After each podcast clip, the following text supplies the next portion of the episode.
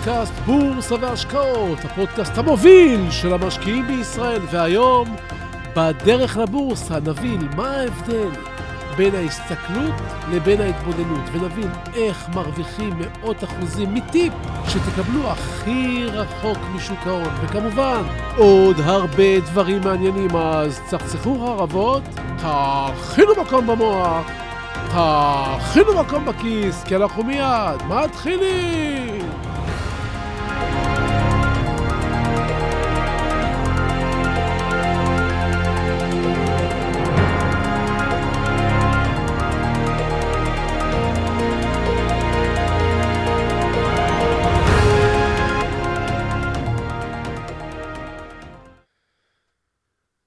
התחתנתי מוקדם, בגיל צעיר.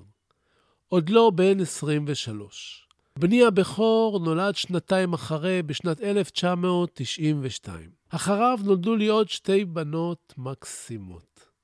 להתחתן מוקדם או להתחתן מאוחר? זו שאלה שרבים שואלים. אם הייתי צריך לחזור על מסלול חיי, הייתי חוזר עליו צעד אחר צעד, ושוב מתחתן מוקדם. זה בונה אותך. אז ב-1992, כשהייתי אבא צעיר, נפתח בפניי עולם חדש, עם כל הנושא של טיטולים, ובית, ומשכנתה, ומטרנה. הרבה דברים חדשים מעסיקים אותך כהורה צעיר. חלקם מהנים, וחלקם מהנים פחות. אחד מאלה שמהנים פחות הוא המעבר של הפעוט מטיטולים לשירותים. גמילה. כעיקרון, הילד מפסיק עם הטיטול ועובר לסיר, שלב לפני האסלה. כשהילד עובר לסיר זה עסק, איך להגיד, לא נעים. לך תנקה את הסיר הזה. אבל בעיות הן הזדמנויות בתחפושת, והראש עובד. ואז אמרתי לעצמי, רגע, למה הילד צריך לעשות את צרכיו בסיר, ואז צריך לשטוף ולנקות? בוא נמציא מין טיטול כזה לסיר. משהו בצורה של שקית מרופדת, שמלבישים אותה על הסיר. הילד יושב, עושה מה שעושה, ואז אתה מרים את השקית טיטול הזאת, מושך בסרט שנמצא מסביב, כמו בפח זבל, היא נסגרת, רק בקטן יותר, ורך. השקית סופגת הכל, מנטרלת ריחות, אתה זורק את זה לפח, הסיר נשאר נקי, בומבה, אפשר להחזיר את הילד לטלוויזיה. המוח שלי רץ. בניתי סקיצות, חיפשתי חברה שמתעסקת בפטנטים. אז עוד לא היה אינטרנט בכלל, והדבר הכי משוכלל היה ספר טלפונים שקראו לו דפי זהב. לכל עיר היה ספר כזה, ואני השגתי ספר כזה של העיר הגדולה, תל אביב. מצאתי משרד שעוסק בפטנטים. ניגשתי עם הרעיון, והם עפו עליו. החברה הזאת, ששמה היה Innovation, איך לא, עבדה עם גוף רציני וגדול בארצות הברית. שילמתי להם כמה אלפי דולרים שלא באמת היו לי אז, אבל ראיתי את החלום מתגשם. שנתיים של התכתבויות בדואר, מכתבים באנגלית, ברושורים, רשמנו על שמי פטנטים, פגישות בתל אביב, ותוך כדי, מפעם לפעם. אפילו העזתי לחלום על ההצלחה, על האושר שאולי יגיע. המחשבות האלה העיפו אותי. בסוף, האב טיפוס הוצג בתערוכת פטנטים בפרנקפורט. הוא עורר עניין רב. שתי חברות אפילו החלו בתהליך רכישת הפטנט. התרגשתי. אבל אז, טראח, נוחת ברבור שחור בצורת פסיכולוגית ילדים, שהרסה לי את הכל, כשהיא טענה שחלק מתהליך הגמילה של הילד חייב לעבור בעצם בין זה שהוא רואה בעיניים ששופכים את תכולת הסיר לשירותים, ורק אז הוא מבין שהוא יכול לעבור לאסלה. כן, ומשם זה דעך ודעך, והחברות שרצו לרכוש את הפטנט ולהשקיע התקפלו, והחלום על כסף גדול נאלץ להידחות. אבל היה לי ברור שהוא יגיע, אבל לא הפעם. כמה חודשים אחר כך קיבלתי מחבר מטר דיגיטלי. אני מדבר איתכם על שנות ה-90. זה היה מכשיר מהראשונים שהגיעו לארץ. אתה עומד מול קיר, למשל, לוחץ על כפתור, והמטר הדיגיטלי מראה לך את הצג, מה המרחק. השנה הייתה 1995. אני נוסע ברכב, עומד ברמזור, ומשחק עם המטר הזה. אני מכוון למכונית שלפניי, מביט באורות הברקס של המוארים באדום, וחושב לעצמי, אם היה אפשר לשים צג בתוך המכונית, שימדוד מה המרחק של הרכב לפניי, ויצפצף כשמרחק הבלימה בחישוב המהירות יראה שאני קרוב מדי. זה יכול להיות מגניב, חשבתי לעצמי אז. אבל לא היה לי כסף להתחיל בכלל את הסיפור של הפטנט שוב. ייתנו זוג צעיר, לא היה הרבה. אחרי הסיפור של הסיר טיטול, זנחתי את זה. ארבע שנים אחרי זה, ייסדו את חברת מובילאיי, שיתחילו עם הרעיון הזה בדיוק. היה עוד מישהו שחשב על זה, והשאר, היסטוריה. האמת שמעבר לזה שהבנתי שלא אעשה הרבה כסף משני הרעיונות הללו, הייתי די מרוצה. כי הבנתי שאני חושב טוב, שאני מתבונן בדברים נכון, וזה יבוא. לא טעיתי. ואתם? אתם מתבוננים או רק מסתכלים? שלום וברוכים הבאים לפודקאסט בורסה והשקעות, הפודקאסט המוביל של המשקיעים בישראל. והיום בדרך לבורסה אנחנו ניתן את הדעת על איך לחשוב ואיך להתבונן ואיך לראות ואיך להבין. אז תאכינו מקום במוח, תאכינו מקום בכיס, כי הנה אנחנו מיד ממשיכים.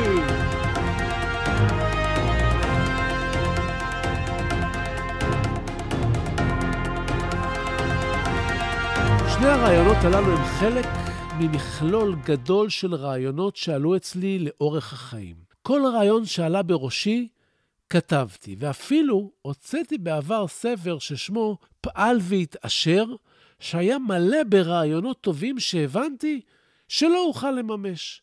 אז מדוע שאחרים לא יממשו, וחלקם אכן מימש?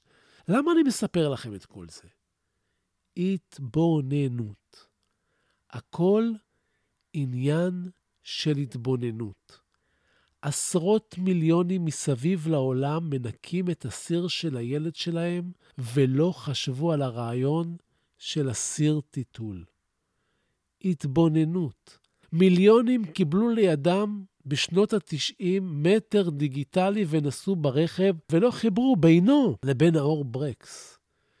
התבוננות זו היכולת שלנו להבין מה קורה בחיים ובשווקים. זה כל ההבדל לפעמים בין עושר לבין חיים בינוניים. זה כל ההבדל בין להיות האחד או עוד אחד. זה כל ההבדל בין מימוש מלוא היכולת שלכם כבני אדם וכמשקיעים, לבין היותכם בינוניים. תראו, הכל השתכלל. תביטו מסביב. מחשבים, טכנולוגיות, מכוניות אוטונומיות, בינה מלאכותית, מציאות מדומה, טלוויזיות חכמות, הכל מסביב לאדם משתנה ומשתכלל, אבל האדם נשאר אותו אדם. כל האולימפיאדות מסביב לעולם מתרכזות ברצון להוריד עוד עשירית שנייה מריצה של 100 מטר. שנים הם עובדים על עשיריות השנייה האלה ומצליחים לא פעם בזכות טכנולוגיה של נעל או של איזה חומר טוב ממעבדה. ההזדמנויות נמצאות מסביבנו כל הזמן, בעסקים בכלל ובשוק ההון בפרט. בכל יום מתחילה מניה מסוימת תהליך של עלייה של עשרות אחוזים שתימשך. תחשבו על זה כל יום. כל יום מקימים מיזם חדש. כל יום יש מניה שפורצת ומכניסה עוד כסף למי שמשקיע בה. הדברים האלה קורים כל יום, כל הזמן. התבוננות. זה מה שמשקיע צריך. ובמה אתם עסוקים? בעמלות, באפליקציות, בשיתוף פחדים עם אחרים, או ניסיון להרוויח מאיזה חצי מהלך של מניה שקיבלתם עליה טיפ. הגיע הזמן שתתרכזו בעיקר. אתם משקיעים בבורסה, אתם מחפשים תוכנות לניתוח טכני, אפליקציות מהירות, תוכנות אלגו, אתרים עם אינדיקטורים מיוחדים, מפות חום צבעוניות, הכל משוכלל, אתם רואים, אבל אתם לא מתבוננים. ההבדל בין לראות לבין להתבונן הוא, כשאתה רואה, אתה רק מסתכל, אבל כשאתה מתבונן, אתה רואה, ומבין. אתה רואה ילד יושב על הסיר ומבין עוד משהו. ההרהור בה' ולפעמים ערעור בעין על הסיטואציה, הם אלה שיקדמו אותך. כל מניה מוצלחת שקניתי הייתה תוצאה של התבוננות על המצב, על מקרה, על התרחשות, על הבנה. אם יזדמן לכם להיות במוזיאון, או לצפות בסרט שצולם במוזיאון, תמיד תראו שמול תמונה יש ספסל. הספסל הזה הוא לא כדי לנוח או לעשות פריסה. הספסל שנמצא שם הוא כדי לעצור ולהתבונן. רוב האנשים במוזיאון עוברים ומסתכלים, חלק קטן יושב ומתבונן. ספסל עבורם, כי ההתבוננות דורשת זמן. למה אתם שואלים?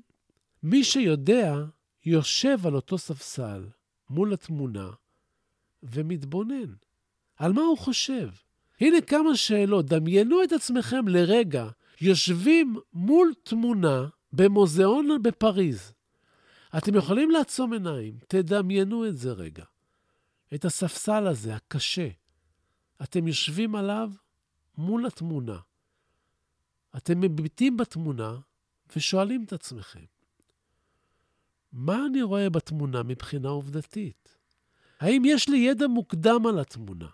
האם יש איזה ריח שמלווה את התמונה?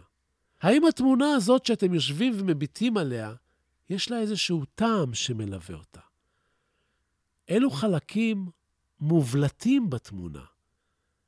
אילו חלקים מוסתרים בתמונה? מה התמונה גורמת לי להרגיש? מה מתואר שם? מה הסיטואציה? האם יש מסר בתמונה? מה המסר שאני מבין מהתמונה? מה קרה רגע אחד לפני שציירו או צילמו את התמונה? ומה קרה רגע אחרי שצילמו אותה? האם קיימת תנועה בתמונה? האם התמונה הזאת מזכירה לי משהו? האם היא גורמת לי לרצות לעשות משהו? אתם מבינים על מה אני מדבר כשאני מדבר על התבוננות? עכשיו משקיעים מחפשים מניות להשקעה. הם רצים מקבוצה לקבוצה, מאתר לאתר, מסימבול לסימבול, כמו אנשים שעושים סיבוב מהר ומסתכלים ב-200 תמונות במוזיאון. אבל לא התבוננו, אפילו באחת. לפני מספר חודשים קראתי כתבה על מחשבים קוונטיים. בכתבה, שהייתה בירחון מדעים, שלא קשור בכלל לשוק ההון. הוזכרו המחשבים האלה. אבל הכתבה הזאת גרמה לי לחבר שני מצבים. כמו שחיברתי לפני 25 שנה בין המטר הדיגיטלי והרכב שלפניי. רק שהפעם הרכב שלפניי הייתה כתבה בירחון, והמטר היה שוק ההון.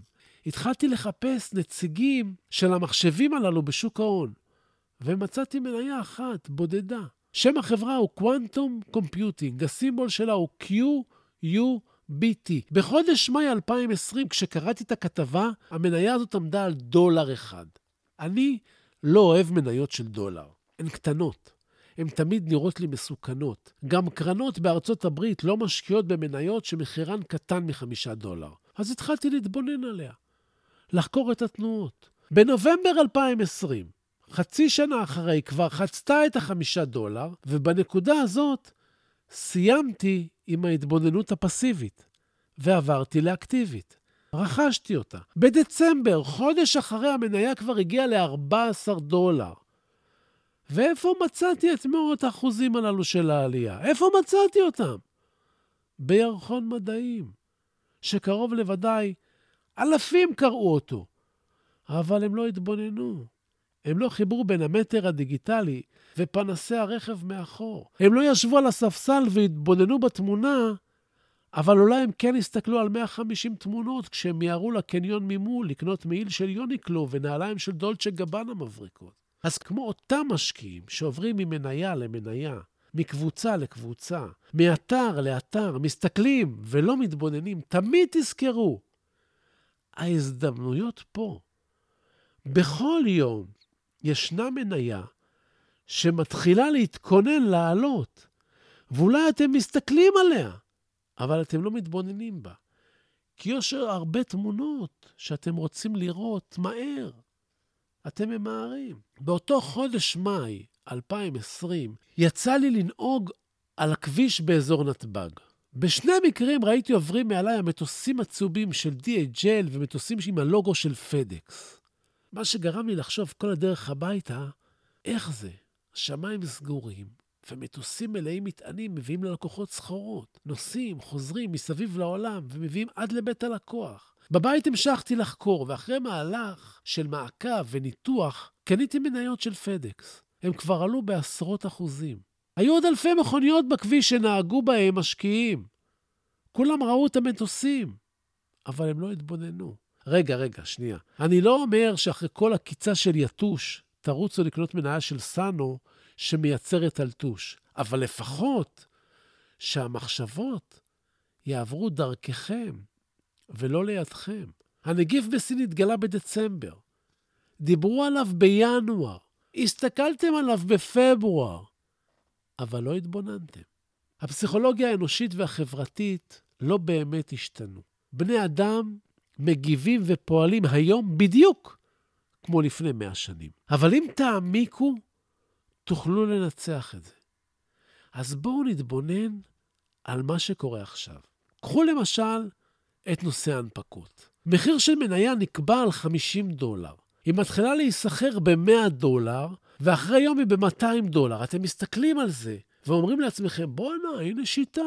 נקנה בהנפקה ונרוויח. אבל מהר מאוד אתם מבינים שבהנפקה אי אפשר לקנות. המקורבים קונים שם. אז אתם קונים ביום הראשון ומקווים שילך לכם. זו לא התבוננות. זו הסתכלות. כשההנפקות האלה מתנהגות ככה, זה אומר שהשוק מתקרב לשיא. בואו נתבונן יחד, מה קורה פה? פלח משקיעים פרטיים בשוק עולה ועלה השנה והגיע לרבע מכלל השוק. בדרך כלל, המשקיעים הפרטיים מהווים בערך כ-10% מהשוק. אבל בתקופת הקורונה, הרבה אנשים יושבים בבית ומקבלים כסף מהמדינה. יש להם זמן פנוי, יש להם כסף פנוי, הם לא טסים לחו"ל, הם לא קונים בגדים, למעט פיג'מות, הם לא אוכלים במסעדות, אין שופינג בקניון, אין מופעים, אין בתי מלון, הם שומרים את הכסף. אז מה הם עושים? וככה פתאום בשנה האחרונה נוצרה כאן שכבה גדולה של משקיעים לא מאוד מתוחכמים, שהם מוכנים לקנות בכל מחיר כל מניה, כי הם ראו רק שוק עולה. ומתברר שעד עכשיו הם צדקו. עובדה, השוק עולה, מי שבפנים עושה כסף, ומי שבחוץ מפסיד. עם עובדות אנחנו לא מתווכחים, אנחנו רק מתבוננים, אתם זוכרים? כשהשוק עולה יש ביקוש לדברים חדשים, וחברות יודעות כשמנפיקים, כשאפשר, ולא כשצריך. הן יוצאות בהמוניהם לגיוסים והציבור קונה. מנהלי התיקים לא יכולים להישאר מאחור. אף מנהל תיקים לא רוצה להיראות שמרן ולהישאר עם תשואה של 3% כשאחרים עושים 30%. אז הם מזרימים כסף. כלומר, אנחנו מבינים מדוע השוק עולה.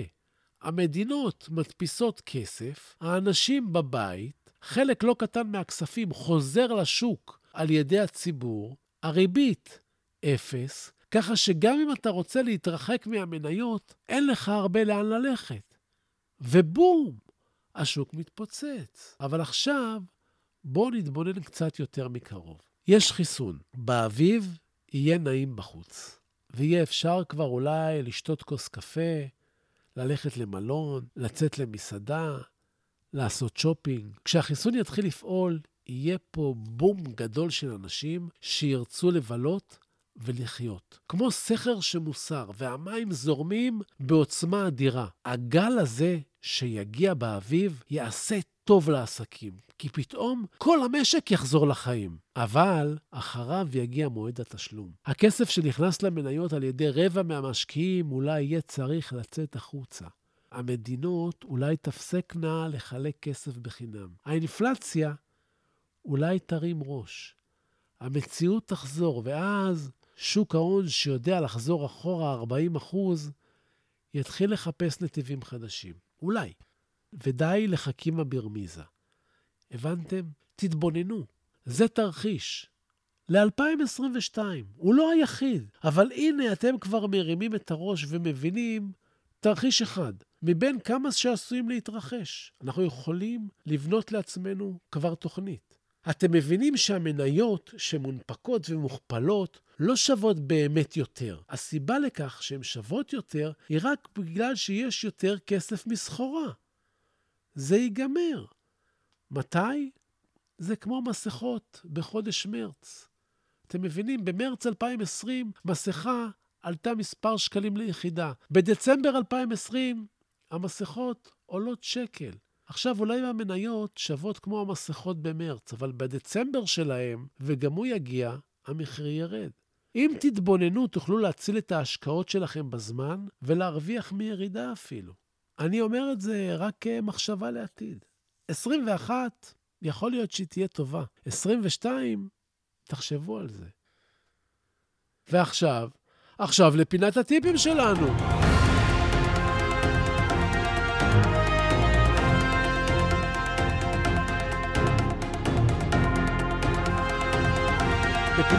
שלנו היום אני רוצה לשים זרקור על משאב חשוב מאוד שיש לכם מלבד כסף, והוא הזמן. תחשבו על זה שבזמן שלכם אתם יכולים לעשות הרבה דברים שיעזרו לכם בשוק ההון. קחו למשל משקיע שמאזין לפודקאסט כלכלי, קורא ספר, צופה בהרצאה על שוק ההון, הוא קורא מאמר או ספר על פסיכולוגיה כלכלית, כל יום שעה. עכשיו, קחו משקיע אחר, שכל יום, בשעה הזאת, הוא נמצא בפייסבוק, או מחפש ומחטט בחיים של אחרים. למי אתם חושבים שיהיו יותר כישורים בהצלחות בסוף אותה שנה?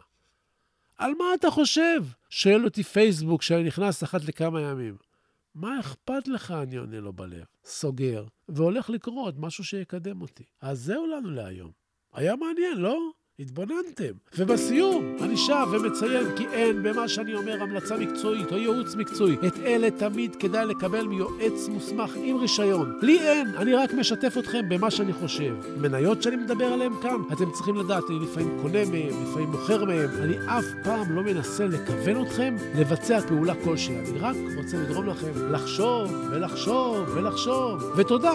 תודה על התגובות החמות, תודה על השיתופים. תמשיכו ותפיצו ונגדל ביחד. עד הפגישה הבאה שלנו. אתם מוזמנים לשמור איתי על קשר, לבקר באתר שלי, סודות, co.il, לשלוח לי מייל, לכתוב לי את דעתכם, לשאול שאלות. צביקה, שטרודל, סודות, נקודה co.il. צביקה ברגמן בעברית, ככה אני נמצא בפייסבוק, אתם יכולים למצוא אותי גם שם. לעקוב אחריי באינסטגרם. סודות, קו תחתון בורסה באנגלית. זה חשוב. תגיבו, תשאלו, תעלו נושאים. אני חוזר לכל אחד ואחת מכם. כן, סמנו שאהבתם ותשלחו את הפודקאסט לעוד חברים, כי אני רוצה עוד מאזינים לפודקאסט. תעשו השתדלות, תפיצו, ותודה רבה שהאזנתם לי. אל תשכחו להירשם לעדכונים באפליקציה שאתם מאזינים דרכה, ככה בכל פעם שעולה פרק חדש, תקבלו הודעה חדשה. בשורות טובות, הלוואי שתתעשרו בהקדם. אני הייתי צביקה ברגמן. רגע, אחרי הפודקאסט הזה יש קטע של שהקלטתי עליו. רק מי שנשאר עד הסוף יוכל לשמוע אותו. קטע מאוד חשוב, מאוד מעניין, מורה דרך לחיים, שאחרי כל פודקאסט עכשיו, אני אשים אותו. אני מאוד אוהב אותו, זה כמו תנ"ך בשבילי. וניפגש בקרוב!